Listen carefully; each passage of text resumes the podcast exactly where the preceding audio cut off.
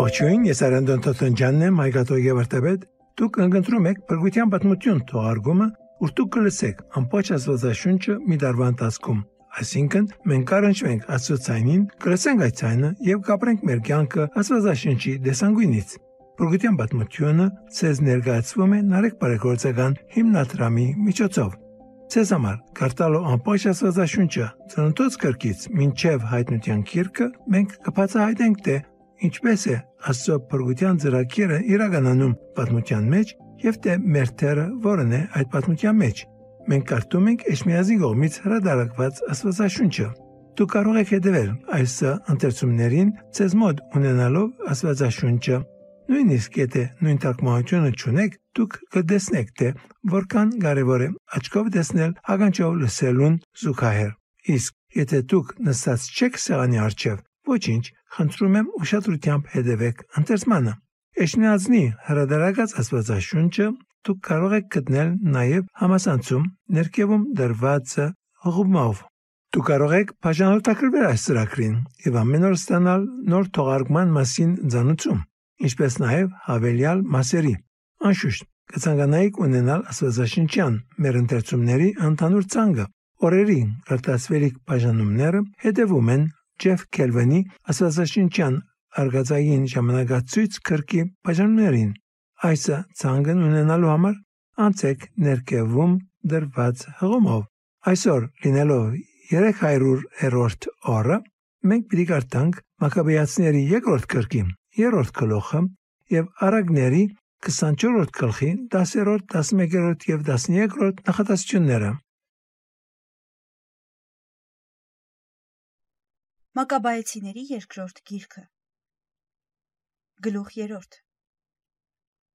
Սիմոնի դավաճանությունը Կար ժամանակ, որ բարեպաշտ ու չարատյաց Օնիա քահանայապետի շնորհիվ Սուրբ քաղաքի բնակիչները ապրում էին խաղաղ եւ սրբությամբ պահում ճշմարիտ օրենքները։ Եթե անգամ հարկ էր լինում, թակավորներն իրենք էին պատվում Երևելի տաճարը հրովարտակներով, բազմաթիվ նվերներով ու ընծաներով։ Նույնիսկ ինքը Ասիայի արքա Սելևկիոսը մասնակցում էր ծիսակատարությանը եւ իր սեփական եկամուտներից էր տալիս զոհեր մատուցելու հետ կապված բոլոր ծախսերը։ Բաղգերի ցեղից Սիմոն անունով մեկը, որն իր տոհմի առաջնորդն էր, տարաձայնություն ունեցավ քահանայապետի հետ քաղաքի առևտրի առնչությամբ։ Տեսնելով, որ չի կարողանում հաղթել կամ վնասել Օնիային, նա եկավ կանգնեց Դրասեի որդի Ապոլոնիոսի առաջ, որն այդ ժամանակ Ստորին ասորիքի եւ Փյունիկեի սպարապետն էր, եւ նրան հայտնեց, որ Երուսաղեմի գանձատունը լցված է բազում գանձերով,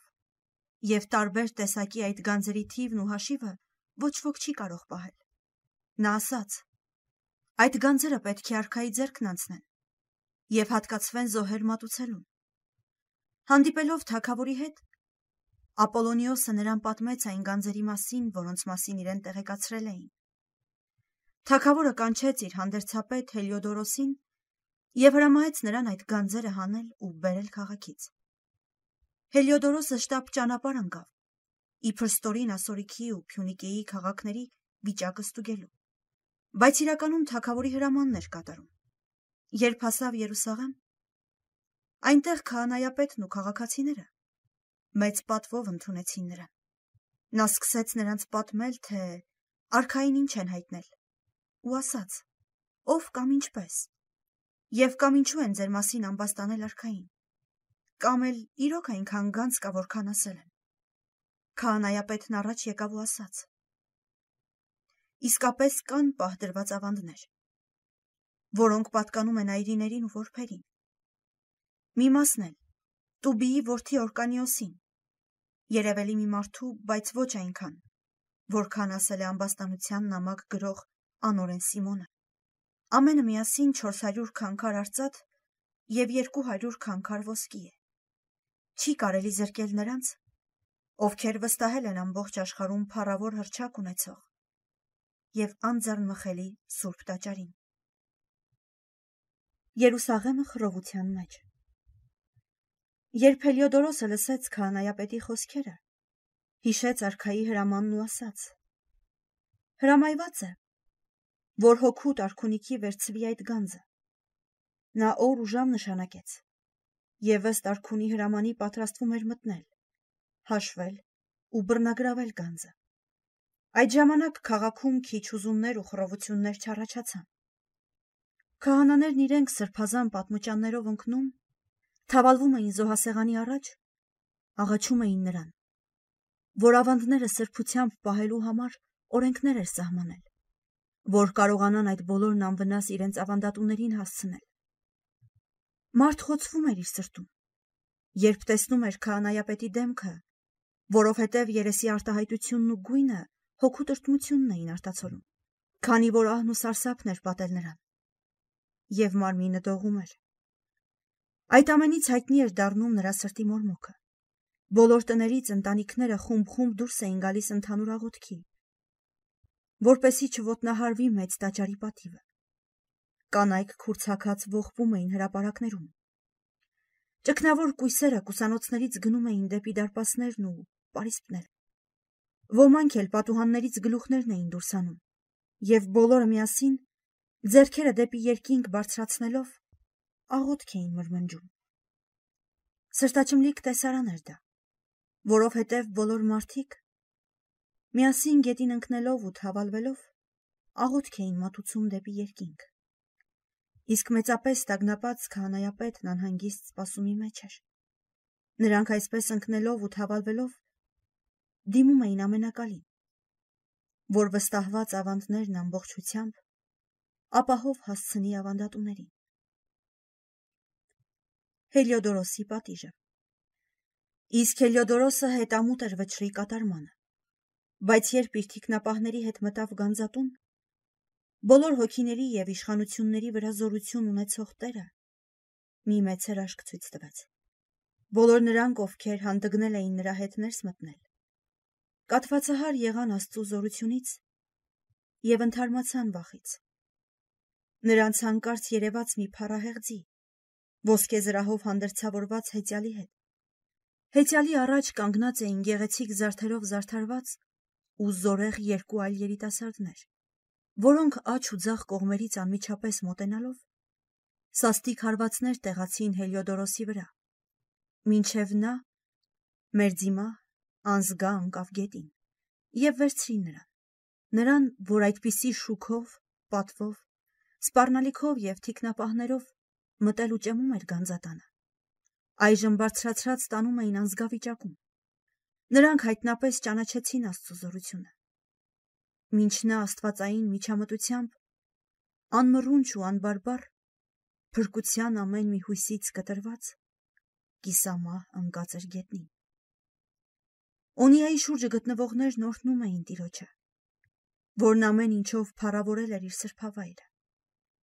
Այն տաճարը, որը քիչ առաջ լցված էր խռովությամբ, ամենակալ Տիրոջ փառքի Երևալով լցվեց խնդությամբ ու անսպառ ուրախությամբ։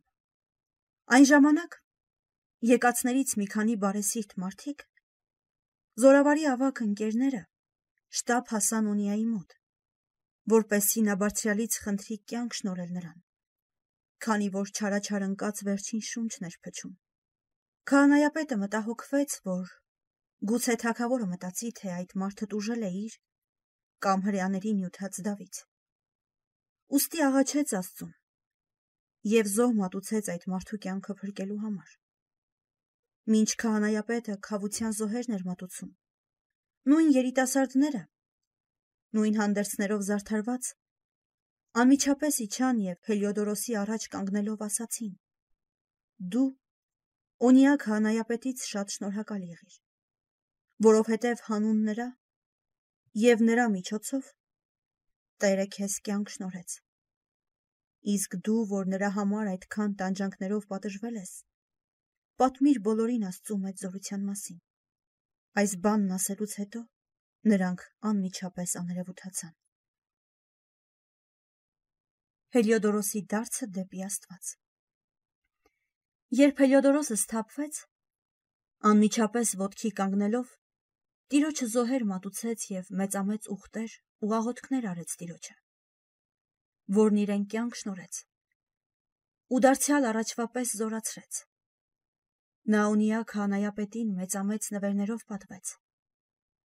Ու այնտեղից շարժվեց ու գնաց թագավորի մոտ։ Ամեն տեղ նա վկայում էր Աստծո հրաշքների մասին, որ իր իսկ աչքերով էր տեսել։ Երբ թագավորը հարց տվեց Հելիոդորոսին, թե ինչպես, ինչ արեցիր, ինչով վերջացրիր այն գործը, որի համար գնացել էիր։ Նա սկսեց պատմել գանգատվելով ու ասաց. Ով Տեր, Երուսաղեմ ուղարկեք նրան, ով ձեր թշնամին է ու ձեր մեծ գործերի հակառակորդը։ Հրամայեք ուղարկել նրան, եւ այնտեղից նրան հետ կբերեն չարաչար ձաղկված, եթե միայն մահվանից փրկվել կարողանա, որովհետև այդ վայրում այնպիսի մեծ զորություն կա։ Նա, որի զորությունը երկնքում է, նա է այդ տեղի հովանավորն ու օգնականը, եւ ով թշնամությամբ կամ արհամարանքով մտնի այնտեղ մեծամեծ ճարիքներով կպատուհասվի եթե ողջ մնա Հելիոդորոսի ու Գանզատունը պաշտպանելու մասին այսքանը Արագներ Գլուխ 24-րդ Ժանտագործ մարդուն ախտոտում է պղծությունը չար օրը եւ նեղ օրը, քանի դեռ չի մեռել։ Փրկիր նրանց, ում մահվան են տանում փրկագնիր մահապարտներին եւ մի խնայիր։ Իսկ եթե ասես, թե ես նրան չեմ ճանաչում, ոչ էլ նա ինձ, իմացիր, որ Տերը ճանաչում է բոլորի սրտերը, եւ որ շունչ տվեց բոլորին, գիտի բոլորին, եւ յուրաքանչյուրին հատուցելու է ըստ իր գործերի։ Երկնավոր հայր, բարապանում ենք քեզ, օրհնապանում ենք քեզ։ Մեր խորին շնորհակալություն ենք հայտնում, ով դեր դու միշտ մեզ հետ ես։ Երբեմն մենք տեսնում ենք քո կործը, երբեմն չենք կարող տեսնել այդ, բայց գիտենք, որ դու միշտ կործում ես եւ կործում ես մեր օգտի համար։ Ուրեմն, խնդրում ենք քեզանից, ով դեր, որբեսի այսօր մեզ դաս շնորհը որբեսի մենք կարողանանք տեսնել այդ ինչ որ բահված է այո այդ բահվածը վիճակի մեջ եւս դու ներկայ ես Նույնիսկ երբ այդպես է երևում, որ դու ոչինչ չես անում, դու իրապես ամեն ինչ անում ես մեր բարիքի համար։ Օգնիր մեզ, որբեսի մեր հոգու աչքով տեսնենք այդ ինչ որ դու անում ես, բայց նույնիսկ եթե մենք չկարողանանք տեսնել մեր հոգու աչքով, մեր սիրտը վստահ լինի, որ դու միշտ կորձում ես, միշտ անում ես ամեն ինչ մեզ համար։ Դուր մեզ այնպիսի սիրտ, որը կարող է միշտ վստահել քեզ, նույնիսկ երբ ոչինչ չենք տեսնում։ Մեր աղոթքը բարձրացնում ենք Հիսուսի Քրիստոսի միջոցով։ Ամեն։ Անուն Հոր եւ Որդու եւ Ոգուն Սրբո։ Ամեն։ Այսօր լսեցինք Մակաբեացիների երկրորդ քրքի երրորդ գլուխը եւ ավասիկ տեսնում ենք այդ մեծ տարբերությունը Մակաբեացիների առաջին քրքի եւ երկրորդ քրքի միջև ամբողջովին տարբեր ցևով է ամեն ինչ մեզ ներկայացվում։ Ավասիկ տեսնում ենք Աստծո ներկայությունը ամբողջովին տարբեր ցևով։ Չեն կարող ասել, որ առաջին կրկի մեջ այս ներկայությունը չկար, որովհետև երբ աղոթում էին,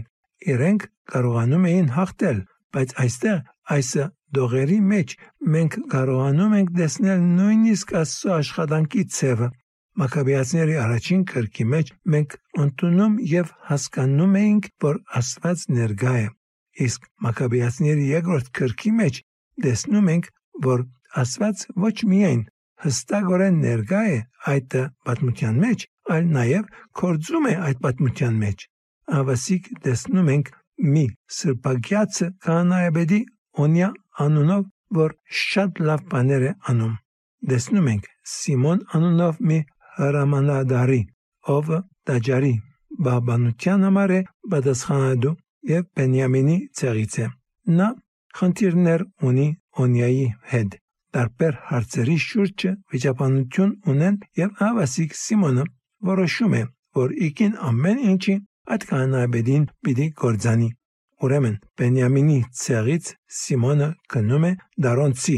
Ապոլոնիայի մոտ, ով ամբողջ սուրիական եւ պինիկիական շրջանի նահանգապետներ եւ նրան պատմում է ասելով որ տաճարի մեջ շատ մեծ քանակի գումարներ կան եւ նրանք այդ գումարները չեն ներկայացնում թակավորին։ Այո, թակավորը որոշ զիջումներ էր արել դաջարի համար, որբեսի կարողանան զոհեր մատուցել, բայց ավասիկ խոսքը ուրիշ գումարների մասին է, որ այդ զոհերի հետ կապ չունի։ Այդ ամենը պատկանում էր նաև թակավորին։ Ապոլոնյան այս ամենը պատմում է թակավորին եւ թակավորը որոշում է ուղարկել Հելիոթորոսին զորքի հետ, որբեսի այդ գումարները բերեն։ Օնիա քահանայբեդը հանդիպում է Հելիոթորոսին եւ ասում է, որ տաճարի կանցարանում մեծ գումարներ չկան։ Այնտեղ որոշ գումար կա, այո, որը պատկանում է այրիներին եւ որպերին։ Այնտեղ նաեւ կային մի քանի անցիկ, ինչպես Օրգանիոսը դուպի որդին, ով գումար ունի այնտեղ, բայց մենք դա բահում ենք իր ապահովության համար։ Այդ գումարը մենք ցեզ չենք կարող տալ, որովհետև նա դա մեզ մոտ թողել է ապահովության համար եւ իրեն է պատկանում։ Այդ գումարները պիտի օգտագործվեն որպես օգնություն այրիներին եւ որպերին։ Չեն կարող այդ գումարը դալ տակավորին, որովհետև այդ գումարները հատկացված են նրանց համար, ովքեր կարիքավոր են։ Ավասիկ Մակաբեացիների երկրորդ գրքի մեջ տեսնում ենք ժողովրդին ամբողջովին տարբեր դեսանգույնից։ Ահավասիկ այստեղ մարդիկ գալիս են, երգրբակում են Տիրոջը դաջարի մեջ, աղաչում են Տիրոջը։ Երդասարտներ, կանայք, տղամարդիկ, երեխաներ բոլորն էլ գալիս են եւ խնդրում են Աստծուց եւ բոլորն էլ աղոթում են Աստծուն եւ Աստված լսում է իրենց աղոթքը։ Աստված պաշտպանում է իր դաջարը։ Անշուշտ, կրտացինք թե ինչպես Հելիոդորոսը մի դեսիլք է ունենում եւ ավասիկ իրեն ծեծում են եւ նա մեծ վտանգի մեջ է հայտնվում։ Այս դեսիլքը երազի մեջ չէ, ցա իրականության մեջ պատահած մի բան է, բայց Օնիա կանայբեդը մտահոգ է եւ զոհ է մատուցում այդ Հելիոդորոսի համար, որբեսի նա չմեռնի, այլ առողջանա եւ թակավորի հետ խնդիր չունենան։ Այդ դեսիրքը նորից վերադառնում է եւ առողջացնում է Հելիոդորոսին եւ ասում է շնորհակալ եղիր Օնիա կանայբեդին, որովհետեւ իր աղոթքի պատճառով է որ մենք քեզ վերադարձնում ենք կյանքին։ Կնա եւ բոլորին պատմիր այս եղածը, որ դեռ Աստվածն է զորությունը։ Հելիոդորոսը դարձի է գալիս եւ ասում է. սրանից հետո միայն ճշմարիտ Աստծուն պիտի ճաշտեմ։ Մակաբեացիների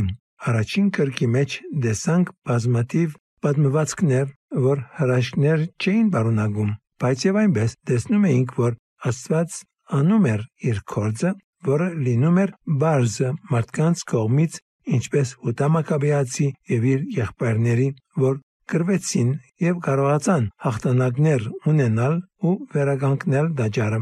Այնտեղ ովևէ մի ցևով չտեսանք, որ Աստված ինքն է գրվում իր ժողովրդի համար, իր դաջարի համար։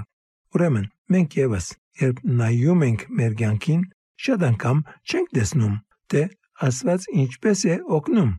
բայց Աստված միշտ օգնում է, ապահով լինենք։ Այո, մեզ օգնում է։ Շատ անգամներ տեսնում ենք, որ ինչ որ բադահեց անհնարին է, որ մեր ուժերով լինի, բայց հստակ է, որ Աստվածային միջամտությունն է տեղի ունենում։ Մենք երկուսն էլ ապրում ենք։ Շատ անգամներ հնարավոր է, որ մենք տեղյակ չլինենք Աստծո միջամտության մասին, բայց մեր սիրտը պետք է վստահ լինի, ապահով լինի, որ Աստված միշտ միշտ մեզ օգնում է եւ Աստված մեզ ամեն կերպ դալիս է լավակույնը։ Կարևոր է կրկնել եւ ասել, որ ամեն օր մեր կյանքի մեջ Աստված այնտեղ է, Աստված միշտ օգնում է եւ իր հրաշքները, իր շնորհները անբագաս են մեր կյանքի մեջ։ Մեր ամբողջ կյանքը կարող ենք ասել մի հրաշք է։ Չգիտեմ, եթե դուք դա տեսնում եք, բայց ապահով եղեք դարձեք դեպի Աստված եւ խնդրեք նրանից, որ նա բացի ձեր հոգու աչքերը, ձեր սրդի աչքերը, որբեսի տեսնեք այն ամենը, ինչ որ Աստված ամեն օր անում է։ Սա մի առօրյա բան է, որ բադահում է մեր կյանքի մեջ։ Որքան որ մենք տեղյակ չենք, Աստված միշտ կործում է մեզանից յուրաքանչյուրի բարիքի համար։ Աստված միշտ այդ ամենը անում է առանց խանգարելու մեր ազատությունը։ Մենք միշտ մնում ենք ազատ, բայց նա միշտ աշխատում է մեր բարիքի համար։ Նույնիսկ երբ մենք տեղյակ չենք, հնարավոր է, որ ցեզանից ոմանք անպայման դեսած լինեն մեծ միջամտություն Աստծուց, որը իրենց կյանքի մեջ ուղղություն է փոխել։ Ես կարող եմ ասել, որ այդպիսի փորձառություն ոչ միայն մեկ, այլ մի քանի փորձառություններ ունեցել եմ իմ կյանքի մեջ, դեսնելով Աստծո մճամդությունը իմ կյանքի մեջ, իմ կորձունության մեջ։ Արագների կրկի մեջ մեր այսօրվա կրտացածը մեզ հravirում է, որ մենք առադացան լինենք նրանց անտեպ, ովքեր կարիքավոր են եւ չասենք նրանք լավն են կամ վադը։ Աստված, որ մեր բոլորի սրդերը ճանաչում է եւ մենք չմոռանանք, որ Աստված կհադուցի մեր կորձերը Կարդում ենք. Դերը ճանաչում է բոլորի սրտերը եւ որ շունչ տվեց բոլորին գիտի յուրաքանչյուրին եւ հադուցելու է ըստ իր կորձերի մենք եւս հադուցում ենք ստանալու այդ կորձերի համաձայն եւ ոչ թե այդ թիմացինը ում մենք դա անում ենք կամ չենք անում որովհետեւ սա մեզ հիշեցնի ինչ որ Հիսուս ասում է Մատթեոսի ավետարանի 25-րդ գլխում Ինչ որ արեցիք, այդ ովևէ մեկին ինձ արեցիք։ Չմոռանանք, որ մենք պատկանում ենք Աստծո ընտանիքին մեր մգրդությամբ։ Մեր մգրդության պատճառով մենք որտեղ կրված ենք Աստծո կողմից, շնորհիվ Հիսուս Քրիստոսի։ Մեր խորին շնորհակալությունը հայտնենք Աստծուն։ Աղոթենք մենք մեզ համար, աղոթենք իրար համար եւ մեր ժողովրդի համար։ Աղոթենք մեր ազգի բոլոր անդամների համար Չմոռանաք աղոթել ինձ համար, ինչպես ես աղոթում եմ ցեզ համար ամեն օր։